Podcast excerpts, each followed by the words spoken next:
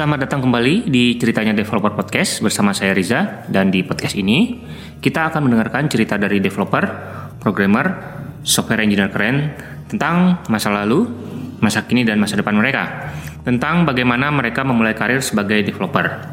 Dan kita juga akan mengorek-ngorek cerita tentang komputer pertama mereka, pengalaman ngoding pertama, hingga pekerjaan mereka sebagai developer.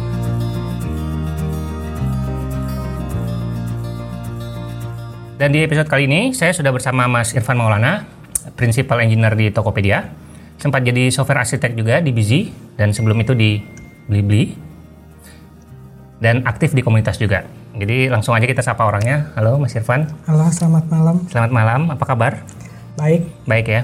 Boleh dilanjutkan nggak kenalannya? Siapa sih sosok Irfan Maulana ini dan uh, hal-hal yang menarik tentang Irfan?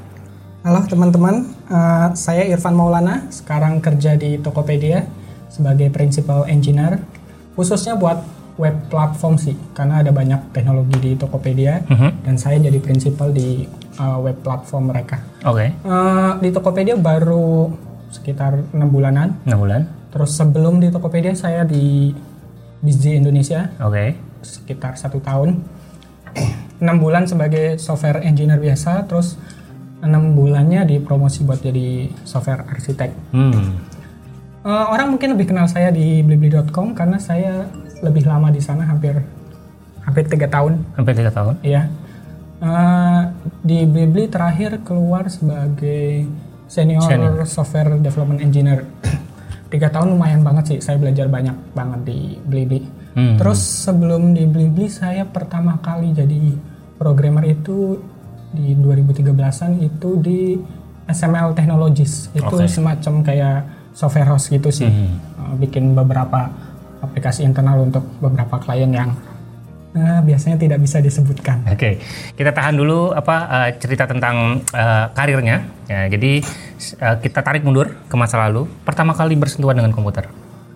Kapan? Ah, saya udah lupa ya. Cuma yang jelas saya bukan orang yang kenal komputer sejak kecil. Oke. Karena eh, sedikit cerita lucu ketika pertama kali masuk kuliah dan pertama kali pertama kali masuk ke lab komputernya, Hah? saya nggak bisa nyalain komputernya. Oke, karena belum pernah lihat komputer sebelumnya. Iya, biasanya datang komputer udah nyala, Hmm. tinggal make. Hmm. Begitu sampai ke lab eh, komputer di kampus itu posisinya mati. Saya nyari tombol powernya yang mana, nyalainnya gimana. Terus begitu nyala, wah Linux nih. Ya, eh. Langsung bingung saya nggak bisa ngapa-ngapain. Oke, itu tahun berapa? Saya kuliah 2008 atau 2009. 2008 2009 ya. Ya. Jadi pertama kali kenal benar-benar kenal komputer itu di kampus. Enggak sih, Enggak, kenal sebelumnya juga udah. mungkin dari SMK itu udah kenal sih. Oke. Oh iya, Eh, saya SMK akuntansi, Mhm. jurusan akuntansi, jadi nggak banyak ketemu dengan komputer se- se- sebenarnya paling seminggu sekali. Itu pun sekali. kalau komputernya nyala. Seringkali kita cuma duduk di depan komputer yang mati sih. Oke. Sambil dengerin guru menjelaskan soal hal-hal yang rada-rada komputer, dengerin Ah. oh iya pak, iya pak, iya pak.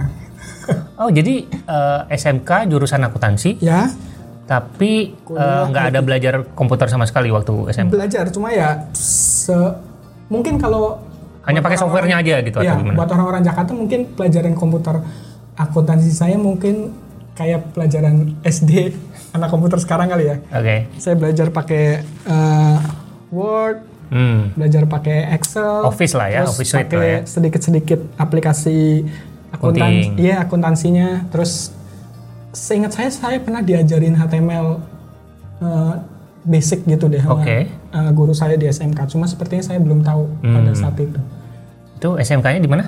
di Pemalang Pemalang. kampung halaman Asik. Dan eh, awal belajar programming awal belajar programming kalau belajarnya sih mungkin pas di kampus ya pasti kampus. ya 2008an cuma ya itulah sepertinya saya tidak berkuliah dengan baik jadi saya lulus kuliah dengan tidak bisa ngoding tapi bukan Oke. berarti saya nggak bisa programming karena hampir teorinya saya paham Teorinya paham, Iya, tapi prakteknya. prakteknya aja karena emang saya bukan orang yang dekat dengan komputer jadi Hmm. uh, buat saya susah untuk praktek-praktek programmingnya. Oh, komputer itu barang yang mahal. Barang mahal, barang Hmm, mewah buat saya. Hanya bisa diakses pada saat di kampus. Ya, tapi untuk kayak eh, algoritma pemrograman yang pakai kertas-kertas gitu, Oh, saya paham. oke. Saya tahu bagaimana for bekerja, if bekerja, saya tahu. Tapi Hmm. begitu suruh ngoding, Bingung. nggak pernah bisa.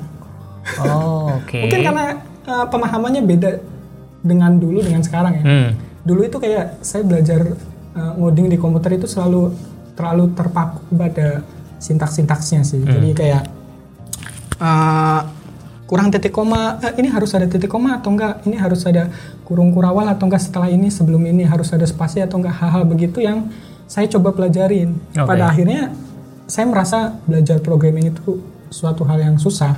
Hmm. Ya sampai akhirnya saya lulus dengan tidak bisa ngoding. Oke. Tapi lulus ya. Alhamdulillah. Tapi dengan IPK yang tidak Pas-pasan. terlalu bisa dibanggakan sih. Oke. Oke. Kuliah di Di Universitas Muhammadiyah Jakarta, OMJ. ya di daerah Cempaka Putih. Oke. Kuliah eh, apa ya istilahnya? Kuliah IT kan? Extension. Ya. Extension. Sabtu Minggu. Jadi saya kuliah dari 2008 Oh, oke. sampai 2013 itu kuliah di Sabtu Minggu full day dari pagi sampai sore beberapa kali Ya, sampai malam. Jadi hampir selama empat tahun saya kuliah saya hampir nggak pernah weekend, nggak pernah punya waktu Hmm. buat jalan-jalan atau ke mana karena eh, empat tahun itu waktu Sabtu Minggu saya habis buat kuliah. Jadi kuliah Sabtu Minggu, Senin sampai Jumatnya nggak kerja. Kerja. Kerja di? Di dulu tuh saya buruh di eh, orang-orang mungkin lebih kenal Dunkin Donuts ya Oke. di pabriknya gitu sih. Pabriknya donat. Ya, Oh. bukan di uh, dapurnya. Sebagai akuntan. Enggak. Oh, enggak. Jadi, jadi uh, title-nya sih keren sebenarnya. Apa R&D. R&D. And Oh. Development. Cuma prakteknya sebenarnya saya bikin bikin donat sih. Jadi saya mencoba membuat donat dengan komposisi yang sudah di uh, dituning sama kita sebelum nanti uh, itu komposisinya bisa kita lepas ke uh, dapur-dapur. Hmm. Jadi kerja dulu apa kuliah dulu? Eh, saya kerja dulu, Kerja dulu. kuliah dulu sekitar satu tahun. Jadi sebelum saya eh, kerja di Dunkin Donut itu, setelah lulus kuliah saya udah sempat kerja hampir satu tahun itu di eh, zaman dulu orang kenalnya Carrefour sih, sekarang Oke. mungkin jadi Transmart ya. Aha. Itu sebagai kasir. Kasir. Ya, itu mungkin rada cocok dengan background saya karena saya akuntansi. Hmm. Kasir ya ada ngitungnya sedikit lah, Ya. meskipun ya nggak banyak, Oke. lebih banyak scan barangnya dibanding ngitungnya. Ya. Eh, terus habis satu tahun di eh, Carrefour baru setelah itu saya pindah ke Dunkin Donuts dan di Dunkin Donuts itu saya kuliah Hmm. karena mereka bisa Sabtu Minggu libur. Libur. Berbeda dengan di Carrefour Sabtu Minggu Masuk. itu haram untuk libur kan. Oke. Kenapa? Kenapa milihnya IT? Kan awalnya akuntansi. Gak tahu ya mungkin kalau buat orang kampung kayak saya itu kayak gimana ya sebuah harapan gitu bisa belajar komputer barang yang Langka gitu ya. saya dari kecil itu Pengen banget atau gimana? saya tertarik cuma Tertarik. punya Cuman ya. eh, oh, punya aksesnya. punya ya. kemampuan untuk eh, bermain di sana. Hmm. Akhirnya memutuskan untuk ambil jurusan IT. Ya, pun itu pas pertama kali saya coba daftar di kampus itu udah sempet hampir ditolak. Gara-gara? Tahu- saya jurusannya akuntansi Bukan sebelumnya. IPA ya. Iya, katanya Mas ini akuntansi itu tergolongnya IPS dibanding Hmm. IPA. Ya. Padahal eh, sebenarnya kita banyak ngitung loh. Iya. Matematikanya kita nggak kalah sebenarnya sama teman-teman IPA. Cuma Ya. mungkin karena itu apa Hmm. istilahnya syaratnya gitu. Jadi hampir-hampir aja Hampir. ditolak. gitu. Ditolak. Cuma yang nggak tahu pertimbangannya apa. Ya udah Mas boleh masuk. Oke. Dan merasa salah jurusan nggak? Eh, iya mungkin karena saya nggak bisa ngikutin di prakteknya. Cuma Hmm. eh, karena saya kuliah eh, dengan biaya sendiri tanpa speser pun dari orang tua Mhm. selama empat tahun. Jadi eh, saya merasa berdosa kalau saya merasa salah jurusan. Oke. Jadi sebodoh-bodohnya saya, senggak bisa nggak bisanya saya kuliah, saya harus kuliah dengan benar paling nggak. Jadi ya, ya itulah. Oke. Karena dibilang salah jurusan juga saya nggak merasa begitu. Saya berusaha belajar dengan benar sih. Enggak lah ya, karena pekerjaannya sekarang juga berhubungan sama kuliah. Iya, kan karena saya merasa saya harus bayar kuliah itu dengan mahal. Eh, waktu itu kalau boleh cerita gaji saya itu masih sekitar satu juta dua ratusan dan Mm-hmm. bayar kuliah saya tiap bulan bukan per semester itu hampir sekitar enam ratusan ribu. Setengahnya. Ya di Jakarta Di Jakarta. saya berarti cuma punya uang sekitar 600-700 untuk hidup belum termasuk uh, bayar kos, Hmm. uh, ngirim beberapa rupiah ke orang tua di kampung, Mhm. ya uh, terlalu jahat kalau saya kuliah dengan uh, tidak benar gitu. Oke. Kenapa dulu memutuskan pindah ke Jakarta dari Pemalang kan? Iya, Dari SMK-nya Pemalang lulus ke Jakarta langsung. iya. Karena uh, paman saya beberapa di Jakarta. Oh, cari kerja di Jakarta. Iya, ya itu udah uh, common ya buat orang-orang kampung itu Iya, kalau iya, iya. habis lulus nggak bisa kuliah ke mana lagi gitu. Oke. Ke Jakarta kerja. Ke Pun nggak Jakarta. muluk-muluk sih saya yang penting kerja aja sih mau Hmm. kerja jadi ya pada akhirnya jadi kasir, jadi buruh apa pun yang penting kayak saya bisa hidup aja sih. Oke. Nah, jadi abis dari Carrefour, kemudian ke R&D-nya Dunkin Donuts, terus sambil kuliah. Mm-mm. Terus eh, setelah lulus kuliah kerja Mm-mm. Kebenaran setelah lulus kuliah, lulus kuliah saya kerja langsung jadi programmer. hmm Itu nggak berkat campur tangan eh, teman saya juga, teman kampus saya kebenaran eh, dari satu kelas saya kuliah itu kayaknya cuma satu orang yang programmer dan kebenaran saya berusaha dekat sama dia. oke Jadi pas begitu lulus, sa- saya banyak membantu dia, termasuk dalam hal pelajaran gitu ya. Kalau dia nggak bisa, saya berusaha ajarkan. Karena saya jago teorinya. oke Jadi kalau urusan-urusan teori saya jago. Eh. Kalau praktek saya emang nggak bisa sama sekali. dia lebih jago Jelas, karena dia Oh. programmer gitu. Oh, Jadi kalau ada oke. pelajaran soal database, soal programming, Oh, dia itu dia nomor satu. Nomor satu. Ah, Dia, eh, secara logika dia paling jago gitu. Cuma Hmm. eh, teorinya mungkin kurang ya bukan kurang, mungkin jagoan saya. Gitu. oke oke Jadi begitu lulus, lulus kuliah, eh, dia nawarin, Van mau nggak jadi kerja jadi programmer di tempat saya di kantornya Hmm. dia?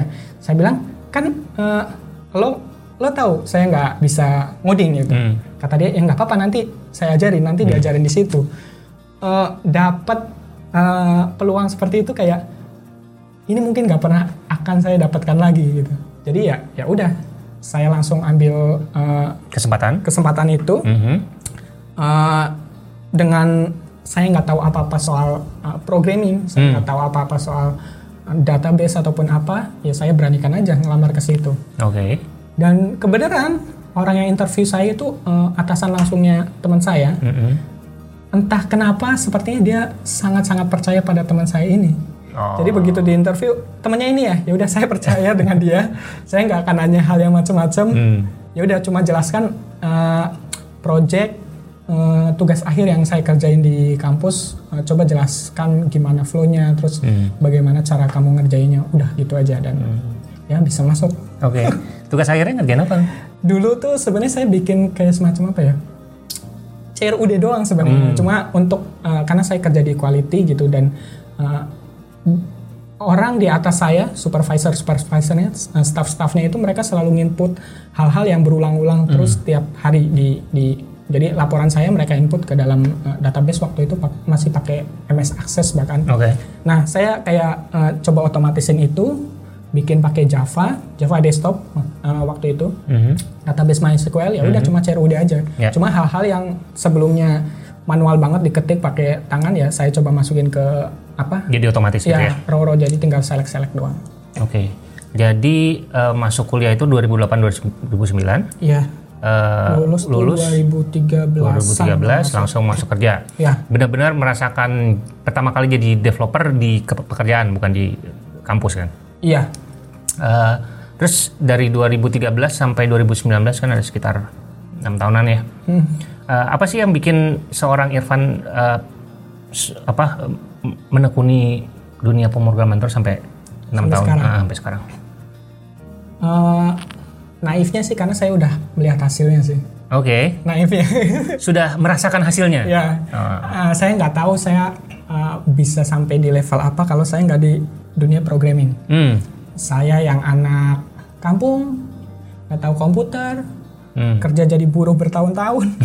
Oke. Dan ya eh, faktanya buruh di Indonesia itu kan cuma ngabisin waktu doang kan. Ya. Kita nggak bisa berharap eh, gaji lebih. Ya Hmm. udah nunggu pemerintah naikin UMR dan kita dapat segitu. Iya, saya 25 tahun pun jadi buruh ya Segitu sudah gitu juga. ketahuan Hmm. gitu. Eh, saya nggak tahu kalau saya nggak di programming saya bisa sampai di level apa sih. Oke. Jadi ya secara naifnya saya bilang karena saya udah merasakan Udah hasilnya. merasakan enaknya jadi developer ya? Ya, eh, ada banyak hal nggak nggak cuma finansial ya, Ya. cuma eh, kayak saya punya banyak eh, networking yang baik gitu. Berbeda ketika saya di buruh gitu. Hmm. Ya saya punya banyak teman, cuma ya di lingkungan itu aja karena Ya. nggak pernah ada kesempatan kita untuk keluar dan eh, ngobrol sesama teman buruh gitu ya. Iya, Apalagi sekarang udah bisa diundang ke luar kota juga kan. nah, ingat gak aplikasi pertama yang dibuat? Ya mungkin pada saat kerja pertama kali itu bikin project apa sih? Suruh handle kalau pas project apa? kerja keren sih sebenarnya ya. Hmm. Saya sampai sekarang masih bangga. Hmm. kita bikin aplikasi eh, Java desktop. Oh ya, karena pertama kali kerja saya bukan web programmer, Ya, saya Java developer. developer. Waktu itu bikin Java desktop pakai Swing dan teman-teman. Mhm. Kita bikin aplikasi untuk perusahaan telco gitu. Oke. Eh, aplikasinya keren banget sih, kompleks banget. Saya sampai sekarang masih terheran-heran saya bisa bikin begitu. Mhm. Rame-rame sih ya man, teman-teman. Cuma wah ini aplikasi susah banget nih dibikinnya. Oke. Bisnis flow-nya ribet banget. Ribet ya. Ya, tapi yang jelas aplikasi untuk kayak apa explorer data gitu sih untuk data-data telco gitu. Oke.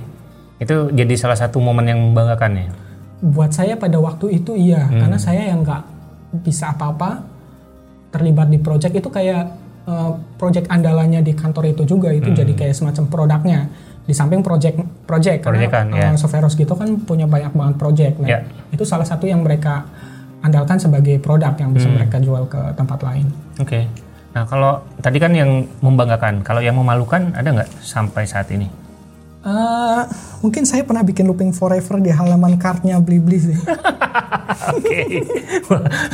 Ini bahaya ini. Gak, gak, gak secara langsung looping forever sih, cuma eh, istilahnya kalau Loopingnya apa bodohnya nested looping cuma pakai for biasanya kan kita for i for j Iya. terus yang di bawah pakainya i lagi i, I lagi. lagi. jadi muternya Ah. di situ-situ aja. Oke. Ketika produk yang di keranjang cuma ada satu dua biji itu nggak kelihatan, begitu ada 10 biji itu jadi bengong, bengong. Chrome-nya dan Iya. itu nggak disadarin sampai beberapa hari. Yang akhirnya sadar siapa? Eh, manajer eh, bukan tim saya malah manajer eh, tim sebelah tiba-tiba Hmm. ngomong kok ini halaman ini bengong terus ya begitu karena banyak pas saya lihat codingan Oh. saya ini Oke. saya merasa bersalah membuat banyak orang nggak bisa belanja mana pas waktu itu saya udah senior Udah senior ya. Wah, ternyata ya, udah senior pun masih ini ya. Silly mistakes ya. Silly mistakes. Itu typo lah ya harusnya ya. iya dan Typo karena kan? nggak ada tes ya Karena nggak ada tes begitulah juga. sampai production Karena variabelnya i juga kali. Iya, ya kan umum kan. Iya, kalau iya, kita iya. bikin for itu Bikin for pakai i sama biasa j ya, gitu IJ kan. ya. Ternyata i sama j itu mirip kalau di Ah. apa?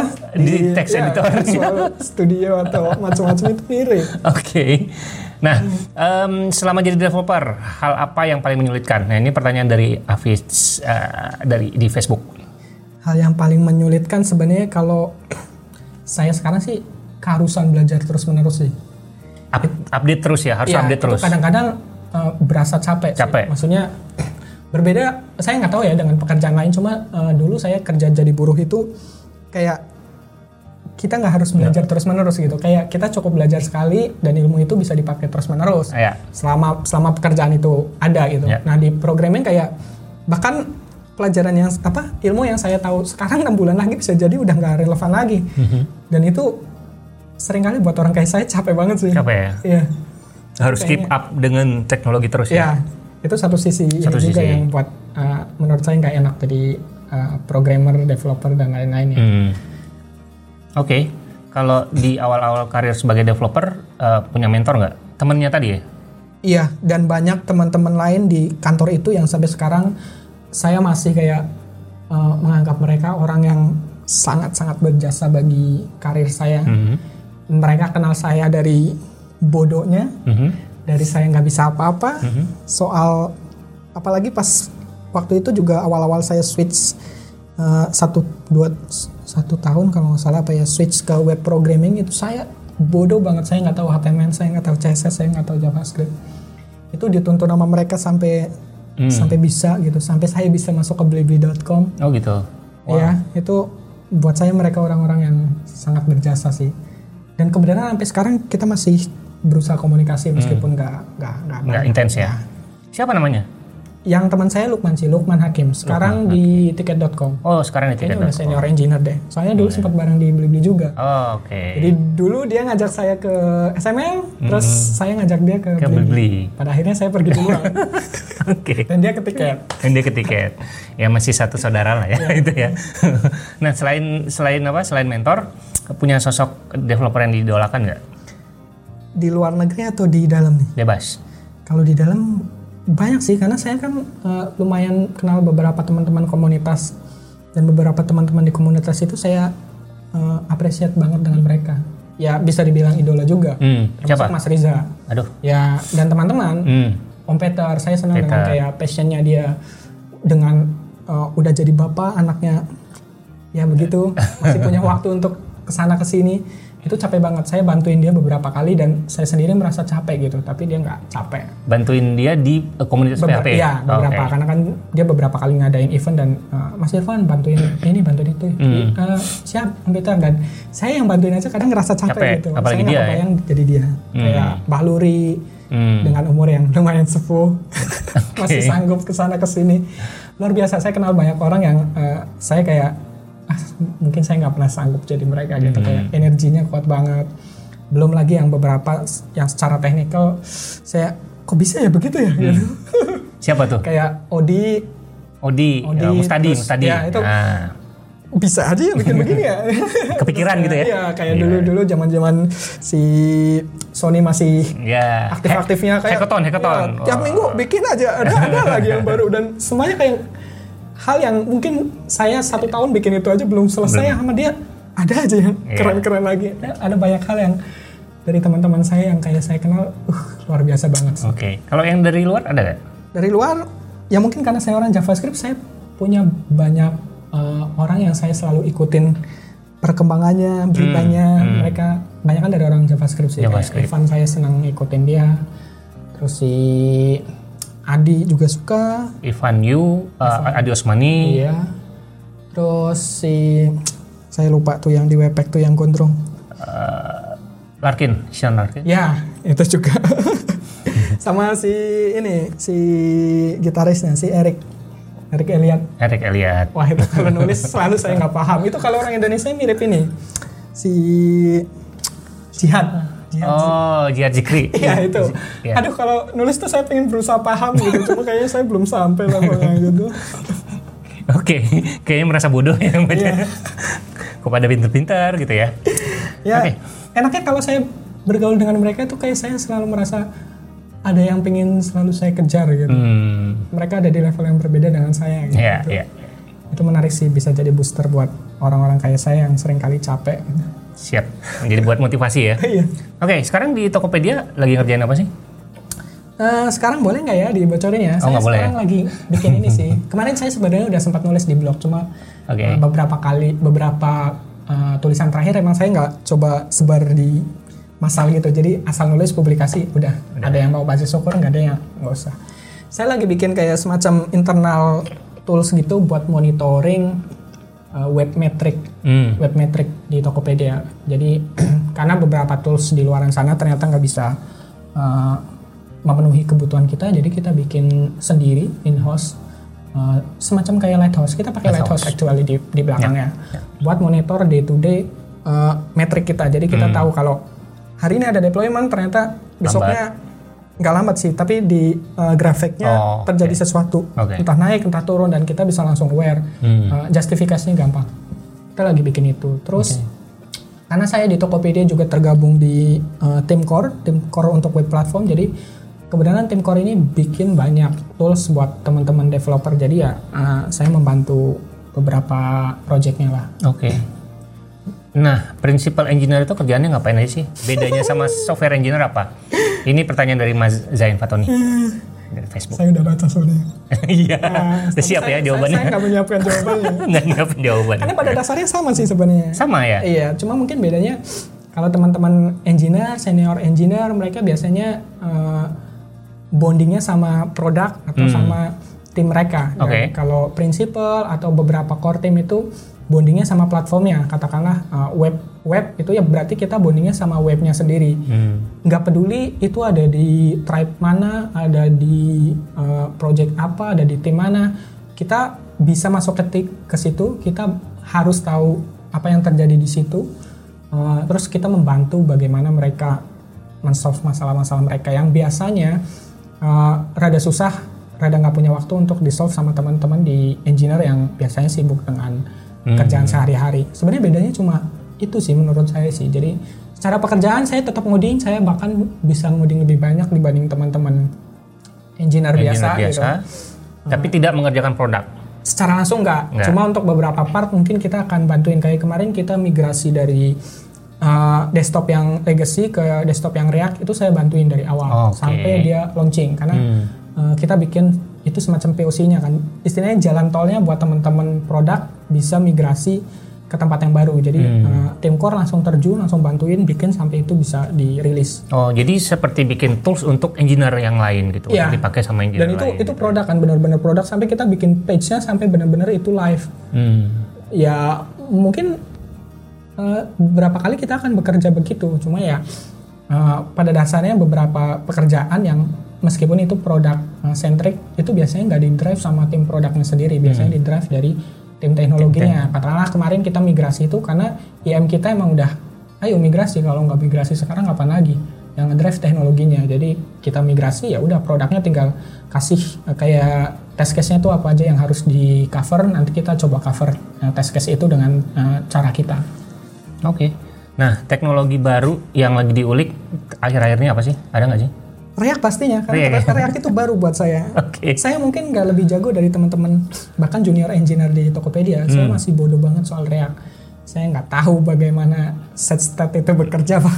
bahkan kemarin saya sempat bikin kesalahan lucu yang diketawain sama teman-teman karena uh, saya beranggapan set state itu akan mengembalikan promise. Jadi saya await aja gitu. padahal di await juga nggak akan mempengaruhi apa pun gitu. Dia akan tetap bekerja begitu ya ada banyak hal yang uh, React centric saya belum paham Hmm. itu juga yang uh, saya bisa menyanggah teman-teman yang lain kalau teman-teman yang lain bilang "Uh, belajar React itu cukup JavaScript no nggak bisa nggak bisa orang bisa. JavaScript pun masuk ke React tetap butuh belajar Reactnya Oke. Apa yang apa eh, perbedaan yang paling signifikan dari React dan Vue? menurut saya yang paling uh, ketara buat saya sehari-hari ngerjain Vue dan React di Vue itu sering kali kita nggak perlu tahu uh, detail implementasinya Di jadi oke. kayak just walk aja Hmm. Uh, untuk mengerjakan banyak project-project yang butuh cepat, buat saya sendiri, mungkin karena saya belum terlalu jago React juga, buat saya lebih produktif pakai Vue. Karena banyak magic tadi. Ya, ada banyak hal yang saya nggak perlu handle itu. Oke. Bahkan kayak urusan re-render itu, saya nggak pernah sibuk di Vue. Hmm. Ya udah, just, Just just work work. aja. Hmm. Cukup kita bikin kayak biasanya, aja, bekerja apa adanya. Di React saya sibuk, kok ini re-render ulang ya? saya set state, ini berubah ya? Kok di request ulang ya? Hal-hal begitu jadi Hmm. di handle sama engineer Ya. somehow buat saya itu kadang-kadang over engineering Over engineering. Karena buat saya buat saya banyak hal yang harus dilakukan Ya. manual. Kecuali kita pakai library Ya. atau apa gitu ya. cuma somehow mungkin untuk skill developer mungkin itu baik gitu karena mereka akan tahu di low levelnya sebenarnya harus ngapain sih kalau melakukan ini? Hmm. apa aja yang harus dihandle? Buat skillnya bagus tapi mungkin buat productivity buat saya nggak bagus ya. Apalagi yang baru-baru belajar ya. iya. Ya ini ini pendapat pribadi karena saya lebih lama di Vue kan saya hampir tiga tahunan di eh nggak tiga tahun sih mungkin dua tahun terakhir Dua tahun ya terakhir. dua tahunan di Vue dan React saya baru enam bulan ya wajar aja karena saya Hmm. masih masih susah adaptasi lah ya. susah move on. Oke ini ada pertanyaan dari Farah Utarina dari Instagram. Gimana perkembangan dokumentasi Vue berbahasa Indonesia Uh, saya sempat nulis soal Hacktoberfest kemarin Ya. aktivitas saya Mhm. uh, baik personal maupun di komunitas. Hmm. Komunitas saya banyak bantuin di Vue.js menyelesaikan uh, project uh, penerjemahan dokumentasi itu.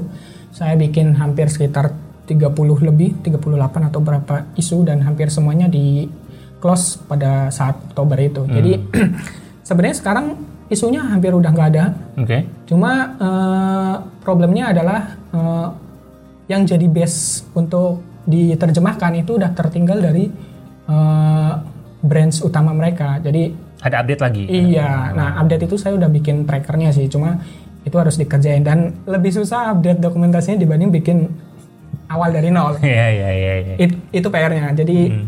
nanti kalau ada kesempatan mungkin saya pengen coba selesaikan itu. Bukan saya sebenarnya sih, teman-teman. Saya cuma bantu bikin isunya doang. Maintainer lah ya. Ya, mungkin bisa begitu. Oke. Atau tukang ini, tukang merch. Tukang merch.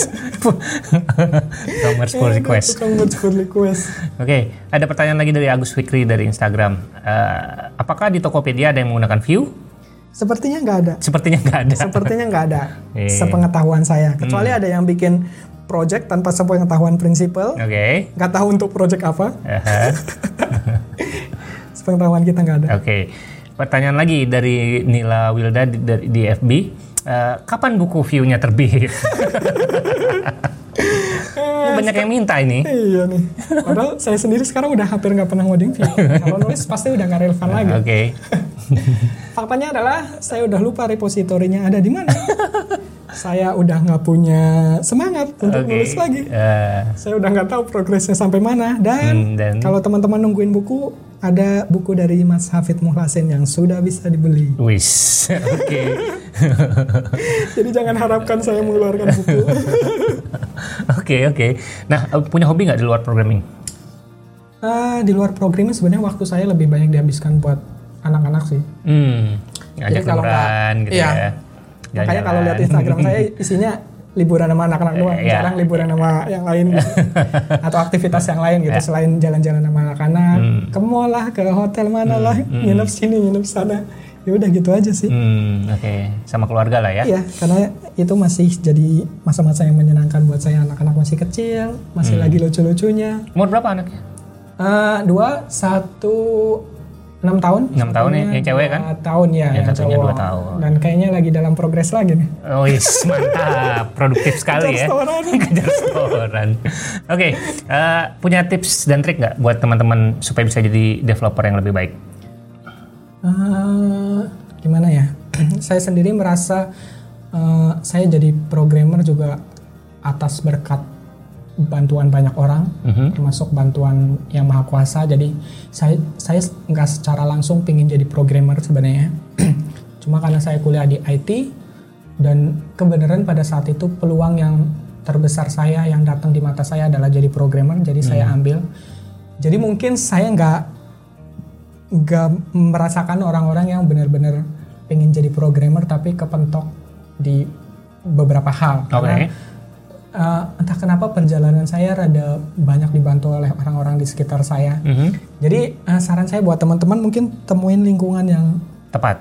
tepat mendorong gitu, teman-teman yang mendorong, teman-teman yang sama-sama belajar atau mungkin mentor Mentor. mau nolong kalian hal-hal begitu mungkin secara secara teknik mungkin nggak akan membantu banyak tapi secara uh, aura itu buat saya sih hal-hal begitu sangat menolong banyak buat kalian mau melakukan apa pun gitu ya. Kayak belajar programming sendiri itu bisa tapi menurut saya susah gitu kalau belajar sendiri gitu. Akan lebih gampang kalau belajar sendiri ada yang ngedorong ada yang bantuin ada yang ngasih proyekan Hmm. ada teman-teman yang bisa kita ajak ngobrol oh saya bikin ini tapi begini. Hmm. itu buat saya hal begitu mungkin ya akan sangat membantu sih. Jadi Komunitas membantu nggak sih? tergantung. Soalnya eh, balik lagi ke orang yang merasakan kehadiran komunitas atau enggak karena beberapa kali saya datang ke kampus bahkan mereka bahkan nggak tahu kalau ada komunitas programming di luaran sana Hmm. jadi berarti kan eh, komunitas ada banyak kita bikin meet up secara rutin tapi ternyata cakupannya nggak mencakup Tidak orang-orang mencakup anak-anak tersebut. kuliah gitu Nah, juga. Maksud saya eh, bisa jadi komunitas membantu untuk orang-orang yang di sekitarnya gitu, Hmm. yang di eh, eh, teman-teman mainnya komunitas itu. Nah di luaran sana saya saya nggak tahu gitu. Hmm. Tapi harapannya sih komunitas bisa masuk ke situ sih ya, bisa bantu teman-teman yang ada di kampus atau teman-teman yang di kampus eh, yang udah tahu coba kasih tahu ke temannya kalau kita punya banyak banget meet up yang free kalian bisa datang bahkan sering kali dapat makan gratis Ya, gitu ya. bisa ngobrol-ngobrol dengan teman-teman praktisi yang Hmm. bisa jadi sangat susah ditemuin Ya. hal-hal begitu sebenarnya kalau saya bilang dengan posisi saya sekarang membantu banget cuma kalau saya dalam posisi mereka saya nggak tahu karena Nggak tahu. bisa jadi saya bahkan nggak tahu sama sekali ada itu gitu Oke. tapi semoga kalau mereka tahu sih komunitas bisa membantu sih Jadi akan lebih eh, baik belajar bareng-bareng, mau itu sama komunitas atau sama temen gitu berdua atau daripada belajar sendiri gitu ya. banget kalau buat saya sih Oke. Eh, pertanyaan dari Abzuman 10. di Instagram. Alur belajar pemrograman web dimulai dari mana dan bagaimana? Pemrograman web. Hmm. Uh, saya dulu belajar programming langsung nyemplung, jadi mungkin alur saya nggak benar gitu. Okay. Saya ya udah, ketika saya jadi Java developer, terus harus belajar web, itu kenapa ya? Karena saya desain project web gitu. Hmm. Mau nggak mau saya berusaha uh, dari basic banget saya berusaha tahu bagaimana sebenarnya web itu bekerja. Apa aja yang dibutuhkan sama web? Katakanlah kalau di Java ya, saya butuh main classnya sebagai entry point-nya. Main class itu akan memanggil sesuatu. Ya. Sesuatu itu apa? Misalnya kelas uh, kalau di Java ada kelas-kelas uh, komponen-komponen gitu. Komponennya bikin apa? Jadi loop, bikin button. Nah, hal-hal begitu kan sebenarnya fundamental kan. Kita harus tahu dulu. Nah, di web pun begitu gitu. Seringkali orang harus belajar ini itu ini itu tapi mereka miss sebenarnya uh, di web itu bagaimana sih cara mereka bekerja gitu. Datangnya dari mana dulu? Apakah kita belajar JavaScript dulu? Ya enggak, karena web itu datangnya dari HTML dulu. Hmm. Pastiin kalian tuh HTML-nya dulu. Setelah HTML apa misalnya CSS-nya gitu untuk bikin layout-nya bisa kanan kiri. Belum belum bikin interaktif. Hmm. Baru bikin kanan kiri, atas, bawah, Hmm. bikin warna merah, hijau, biru ya. Urutannya begitu gitu. Karena uh, kalau mau bikin web ya begitu dulu. Kalian gak usah bikin Tokopedia dulu, bikin aja katakanlah web portofolio dulu, bikin resume dulu yang pada dasarnya kalian cuma butuh HTML dan uh, CSS. Setelah itu uh, mungkin kebutuhannya bikin aplikasi yang rumit, butuh JavaScript lebih advance ya, belajar JavaScript. JavaScriptnya apa dulu? Misalnya butuhnya buat bikin resume, cuma bikin oh ini biar nutup, biar kebuka ketutup ya udah belajar JavaScript sesederhana itu aja, belajar DOM aja gitu. Hmm. DOM ma- manipulation Uh, terserah mau belajar jQuery nggak masalah, buat saya selalu relevan belajar apa pun. Mau belajar jQuery boleh, belajar dari vanilanya ya keren gitu. Hmm. Terus uh, pada pada masanya kalian akan merasa oh belajar ini sudah nggak mampu lagi buat saya bikin aplikasi seperti ini ya belajar lebih lagi. Kalau saya sih berdasarkan kebutuhan aja sih. Kebutuhan ya. Ya, jadi uh, kalau kalian butuhnya masih segini ya cukup belajar sampai itu aja. Kalau kalian butuh sesuatu yang lebih kalian bisa belajar yang lebih lagi. Uh, Tapi akan lebih baik kalau kita bisa tahu bagaimana secara keseluruhan aplikasi itu bekerja mulai dari ujung sampai uh, aplikasi itu entah web itu bisa dikasih tahu ke orang lain. Nah, kalau kita tahu gambaran besarnya, kita bisa tahu apa yang dipelajarin, itu lebih mudah buat kita uh, menyelesaikan pekerjaan kita sih. Oke. Baik itu di pekerjaan uh, sehari-hari sebagai budak korporat atau sebagai uh, project sehari-hari iseng itu enak banget kalau kita bisa tahu dari ujung ke ujung sih. Hmm, jadi lebih ke ini ya, apa kayak curiosity ya atau uh, penasaran gitu. Ini kok bisa jalan? Kenapa? Iya. Kita cari tahu kenapa. Iya, Bukan ya bisa jalan ya udah gitu kan? Iya. Atau ini kenapa error? Yang kita tahu, cari tahu juga gitu kenapa Ya, errornya tapi gitu ya, ya. cara orang belajar Beda-beda. beda-beda. Uh, saran saya sih coba temuin uh, cara belajar yang paling cocok dengan kalian sendiri. Oke. Mungkin saya cocok belajar dengan langsung ngerjain sesuatu Project gitu. gitu ya. Karena saya penasaran, oh bagaimana sih uh, React itu bekerja? Oh ternyata Mhm. kalau begini itu uh, begini, kalau mau begini harus pakai ini, kalau mau begitu harus begitu. Hmm. Mungkin saya cocok begitu, tapi nggak semua orang cocok begitu. Ya. Ada orang yang lebih senang belajar uh, dokumentasinya dulu, atau bahkan belajar teorinya dulu Teorinya dulu. nggak masalah cuma eh, temuin yang paling cocok buat kalian Hmm. caranya gimana cobain aja dulu semua Iya. gitu cobain ngerjain project langsung gitu kalian kebingungan nggak kalian kesusahan nggak kalau susah mungkin cara itu nggak cocok buat cocok. kalian gitu Ya, ya. Mungkin kalian harus mundur katakanlah belajar dokumentasinya dulu Mhm. atau mundur Baca lagi buku. belajar teorinya dulu Iya, gitu baca buku sebelum gitu ya. sebelum bahkan baca dokumentasinya Hmm. beda-beda Beda-beda ya. Ya. Oke. Eh, nah, gimana kalau ada teman-teman atau eh, apa pendengar yang mau ngobrol atau mau eh, kayak mau komunikasi langsung bisa lewat Facebook, Twitter. Eh, sebenarnya yang paling aktif di mana sih? Yang paling aktif di mana sih? Uh, aktif semuanya, cuma Aktif beberapa uh, beberapa pekan terakhir saya uninstall Facebook saya sebenarnya. Kenapa? Ya nggak kenapa-napa. Oh, di Saya handphone? Install, iya pernah Ah. pengen uninstall aja gitu. Oke. Jadi uh, saya sekarang akses Facebook cuma dari, uh, Dari, Chrome Web dan aha. uh, Facebook web mobilenya nggak begitu bagus, jadi kadang saya nggak begitu tertarik ngakses Hmm. Facebook. sekarang. Kalaupun ngakses saya cuma baca aja. Oke, Jadi mungkin kalau mau mention saya lebih enak di Twitter, di Twitter, di GitHub bikin isu. di GitHub atau bikin di isu. Telegram saya ada Oke. di Telegram cuma ya begitu saya orangnya suka mengaktif beberapa notifikasi jadi biasanya saya Hmm. baru akan dapat notifikasi ketika saya masuk ke aplikasi tersebut Oh, Oke. jadi kalaupun di Telegram kalau emang saya slow respon ya mohon maaf gitu Hmm. tapi kalau saya sempetin insya Allah saya balas Sip. Usernya apa usernya? Uh, at Mas Ipan kalau Mas di Ipan. uh, Twitter. Telegram, kalau di Twitter Mas pakai underscore Ipan. Oke, Kalau di GitHub Mas Ipan, siap. gitulah. Kalau Oke. bikin isu saya lebih cepat sebenarnya. Oh iya. Jadi hubungin di GitHub gitu Iya, ya. saya lebih aktif di GitHub. Oh, nice. Oke, developer sekali.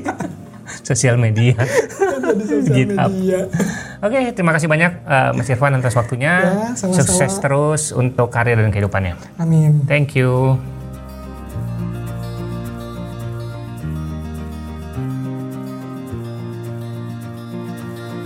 Itu dia episode ceritanya developer podcast kali ini.